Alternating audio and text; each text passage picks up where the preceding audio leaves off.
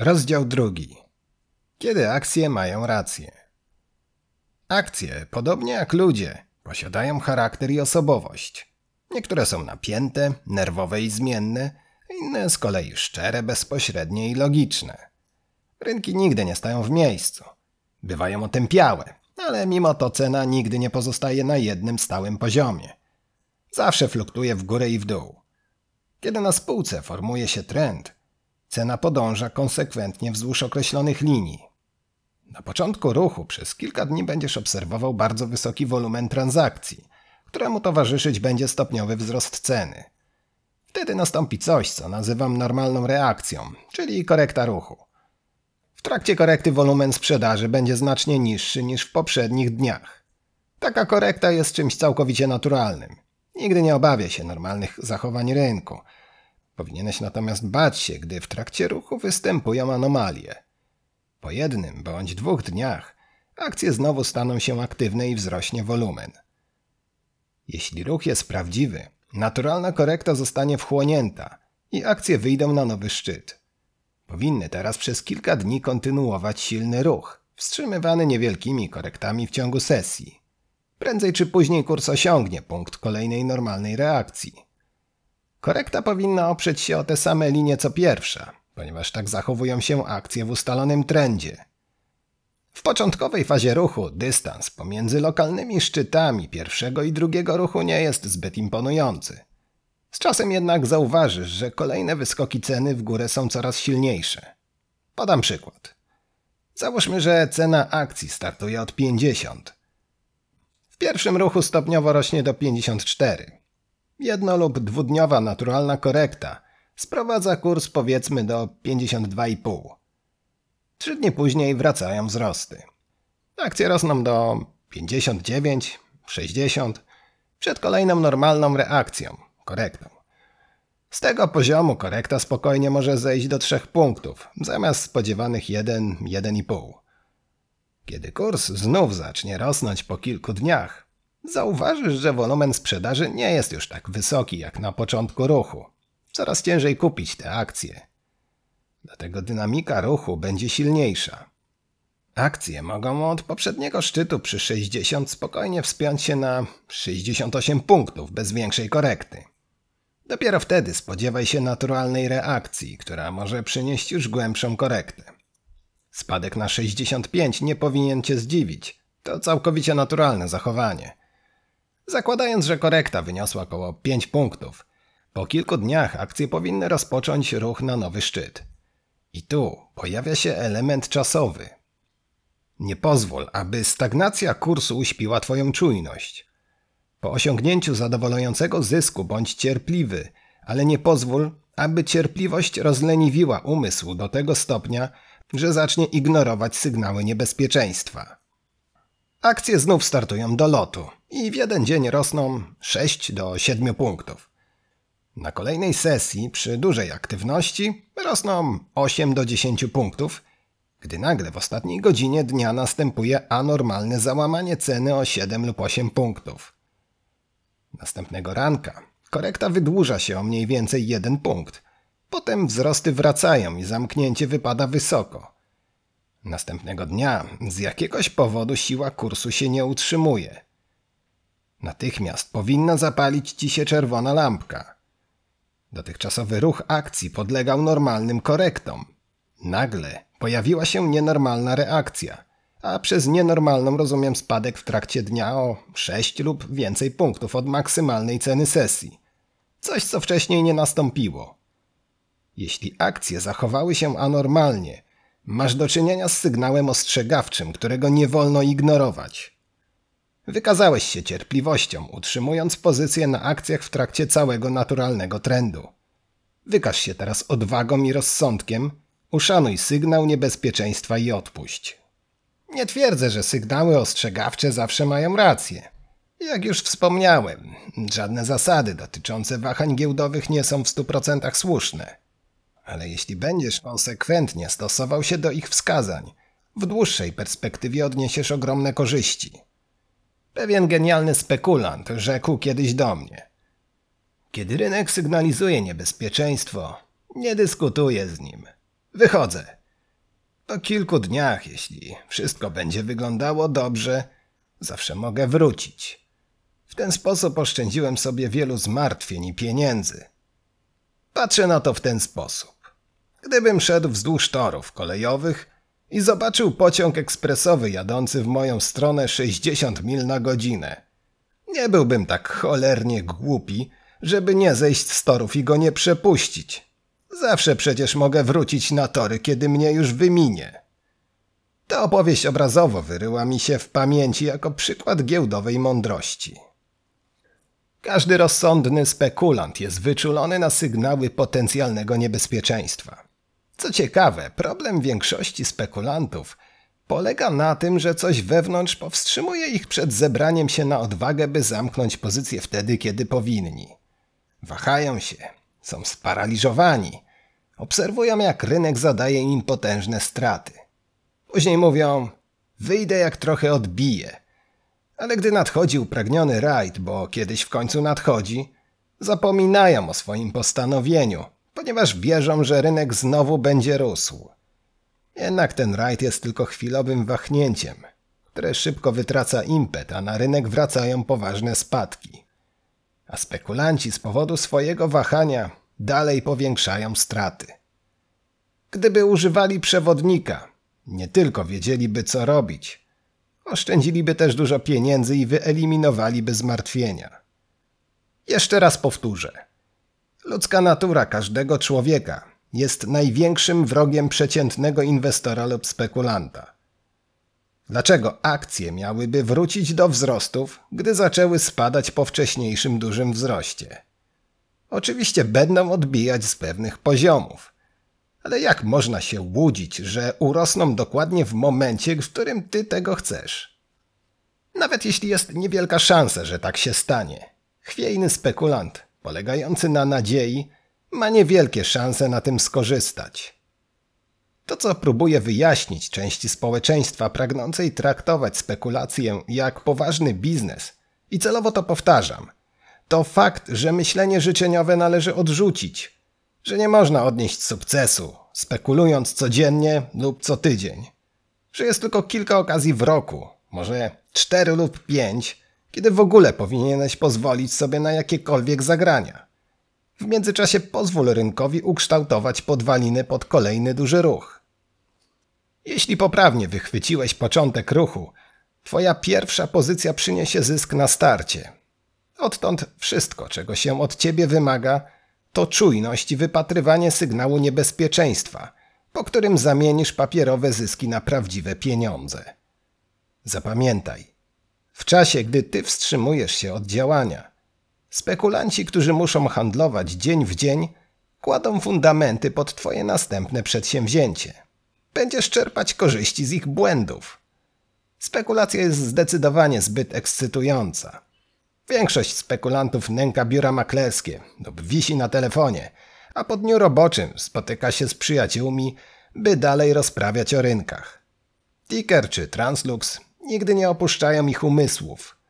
Są tak pochłonięci drobnymi wzrostami i spadkami, że przegapiają duże ruchy. Niemal niezmiennie zdecydowana większość obstawia złą stronę, gdy zmienia się szeroki trend – Spekulant, który upiera się, by zarabiać na codziennych drobnych ruchach, nigdy nie będzie miał otwartej pozycji, która pozwoli skorzystać z ważnej zmiany rynkowej, kiedy ta nastąpi. Takie słabości można skorygować, prowadząc i badając zapisy zmian cen akcji i ich przebiegu, a także starannie uwzględniając element czasowy. Wiele lat temu słyszałem o odnoszącym sukcesy spekulancie, który mieszkał w górach Kalifornii i notowania docierały do niego dopiero po trzech dniach. Dwa lub trzy razy w roku odwiedzał swojego maklera w San Francisco i wypisywał zlecenia kupna lub sprzedaży, zależnie od zajętej pozycji rynkowej. Mój przyjaciel, który spędzał czas w biurze maklerskim, zainteresował się nim i zaczął rozpytywać. Zdumiało go, w jak skrajnym oderwaniu od rynkowego zgiełku operuje ten człowiek. Mimo rzadkich wizyt w biurze, potrafił obracać bardzo wysokimi wolumenami. W końcu panowie zostali sobie przedstawieni i w trakcie rozmowy mój przyjaciel wypytał człowieka z gór, w jaki sposób ten może śledzić giełdę z tak odosobnionego miejsca. Cóż, odpowiedział spokojnie człowiek z gór. Traktuję spekulacje jak biznes.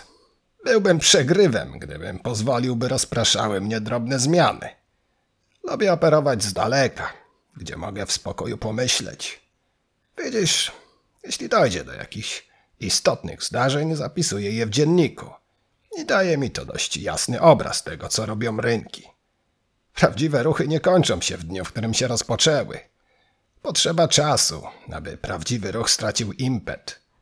Operując z gór, jestem w stanie dać tym ruchom cały czas, jaki potrzebują. Ale przychodzi dzień, kiedy po przepisaniu z gazet cen do moich rejestrów zauważam, że nie są już zgodne ze schematem zachowania, który dotychczas obserwowałem. Właśnie wtedy podejmuję decyzję. Idę do miasta i składam zlecenia. To było wiele lat temu. Człowiek z gór przez długi czas konsekwentnie czerpał obfite zyski z giełdy. Był dla mnie kimś w rodzaju inspiratora. Zabrałem się do pracy ciężej niż kiedykolwiek, próbując połączyć element czasowy ze wszystkimi danymi, które wcześniej skompilowałem. Dzięki nieustannemu wysiłkowi udało mi się skoordynować moje zapisy i w zaskakującym stopniu skutecznie przewidywać nadchodzące ruchy.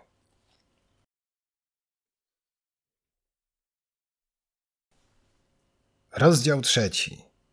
Podążaj za liderami.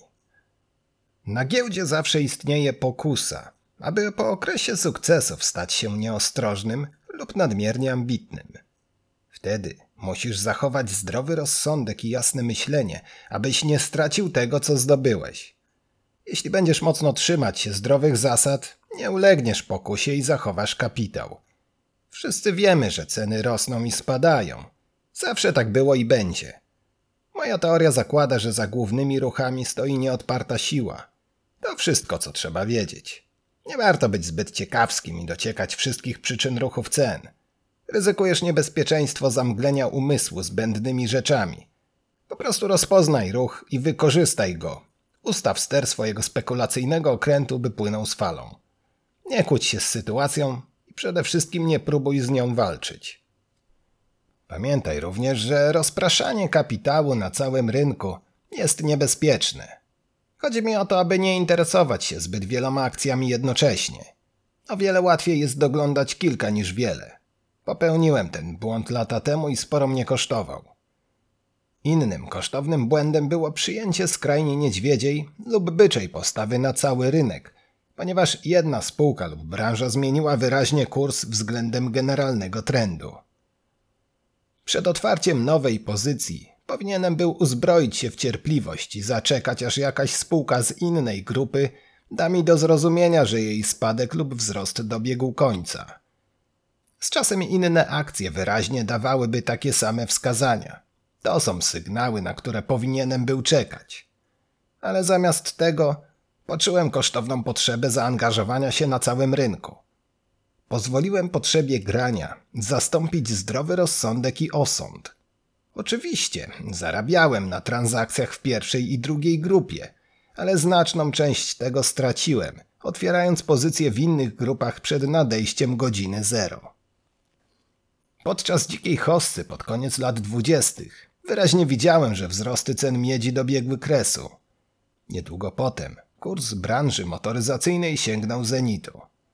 Ponieważ hossa w obu tych grupach dobiegła końca, szybko doszedłem do błędnej konkluzji, że mogę bezpiecznie sprzedać wszystko. Nie chcę ci nawet mówić, ile pieniędzy straciłem działając w oparciu o to założenie. Chociaż gromadziłem ogromne papierowe zyski na pozycjach miedziowych i motoryzacyjnych, jeszcze więcej straciłem próbując przez sześć miesięcy odgadnąć szczyt na spółkach z branży użyteczności publicznej. Końcu ta i inne grupy osiągnęły swoje szczyty. W tym czasie Anakondą handlowano 50 punktów poniżej szczytu, podobnie jak akcjami motoryzacyjnymi. Jeśli widzisz wyraźnie nadchodzący ruch w określonej grupie, działaj zgodnie z nim, ale nie ekstrapoluj zachowania jednej branży na drugą, dopóki wyraźnie nie zobaczysz oznak, że druga grupa jest w stanie pójść w ślady pierwszej. Miej cierpliwość i czekaj. Z czasem otrzymasz taką samą wskazówkę w innych grupach, jaką otrzymałeś w pierwszej. Po prostu nie rozpraszaj się na całym rynku. Ogranicz swoje badania ruchu do najważniejszych spółek z branż. Jeśli nie możesz zarobić na wiodących aktywnych spółkach, tym bardziej nie zarobisz na szerokim rynku. Podobnie jak style kobiecych sukni, kapeluszy czy biżuterii nieustannie się zmieniają. Starzy liderzy giełdy odpadają, a nowi zajmują ich miejsce. Lata temu głównymi liderami były koleje, American Sugar i Tobacco. Potem przyszedł czas stalowych gigantów, a American Sugar i Tobacco zostały zepchnięte na dalszy plan. Po nich zjawiła się motoryzacja i tak dalej, aż do chwili obecnej. Dziś mamy tylko cztery grupy dominujące na rynku: stal, motoryzacja, lotnictwo i sprzedaż wysyłkowa. Rynek podąża za nimi. Z biegiem czasu wyłonią się nowi liderzy. Niektórzy ze starych liderów wypadną. Zawsze tak będzie, jak długo będzie istniała giełda. Trzymanie zbyt wielu akcji naraz nie jest zbyt bezpieczne. Zaplątasz się i zdezorientujesz. Staraj się analizować stosunkowo niewiele grup. Przekonasz się, że w ten sposób łatwiej dostrzec prawdziwy obraz, niż gdybyś próbował przeanalizować cały rynek. Jeśli poprawnie przeanalizujesz przebieg dwóch akcji w czterech wyróżniających się grupach, nie musisz martwić się o to, co zrobi reszta. Działa tu stare dobre podążaj za liderem. Pozostań mentalnie elastyczny. Pamiętaj, dzisiejsi liderzy mogą nie być liderami za dwa lata. Na dziś analizuję cztery indywidualne grupy w swoich rejestrach. Nie oznacza to, że handluję wszystkimi jednocześnie. Mam wobec nich przemyślany plan. Kiedy dawno, dawno temu, po raz pierwszy zainteresowałem się ruchami cen, postanowiłem sprawdzić swoją zdolność prawidłowego przewidywania nadchodzących ruchów. Zapisywałem fikcyjne transakcje w zeszycie, które zawsze nosiłem przy sobie, i sprawdzałem, ile bym na nich zarobił lub stracił. Z biegiem czasu dokonałem pierwszej rzeczywistej transakcji. Nigdy jej nie zapomnę. Wraz z przyjacielem kupiliśmy pięć akcji Chicago, Burlington and Quincy Railway Stock, a mój udział w zyskach wyniósł 3,12 dolara. Od tego czasu spekulowałem na własną rękę. W obecnych warunkach nie sądzę, aby spekulant starego typu, który handlował sporymi wolumenami, miał duże szanse na sukces. Kiedy mówię spekulant starego typu, myślę o czasach, kiedy rynki były bardzo szerokie i płynne, a spekulant mógł zająć pozycję na 5 tysięcy lub 10 tysięcy akcji, wchodząc lub wychodząc bez większego wpływu na cenę. Po otworzeniu inicjalnej pozycji, jeśli akcje zachowywały się prawidłowo, spekulant mógł bezpiecznie dobierać kolejne pakiety. W dawnych czasach, jeśli jego osąd okazał się błędny, mógł łatwo zamknąć pozycję bez ponoszenia poważnej straty. Ale dzisiaj rynek jest tak płytki, że gdyby jego inicjalna pozycja okazała się błędna, poniósłby druzgocącą stratę.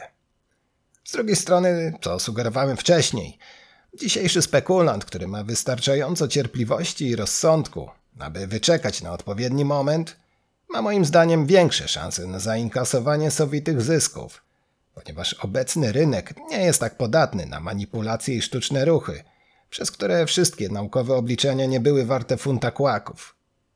Jest zatem oczywiste, że w dzisiejszych warunkach żaden inteligentny spekulant nie pozwoli sobie na działanie na skalę, jaka była powszechna jeszcze kilka lat temu. Będzie badał ograniczoną liczbę branż i liderów w tych grupach. Nauczy się patrzeć, zanim wskoczy do gry. Rozpoczęła się bowiem nowa era na rynkach. Epoka, która oferuje bezpieczniejsze możliwości rozsądnemu, pilnemu, kompetentnemu inwestorowi i spekulantowi.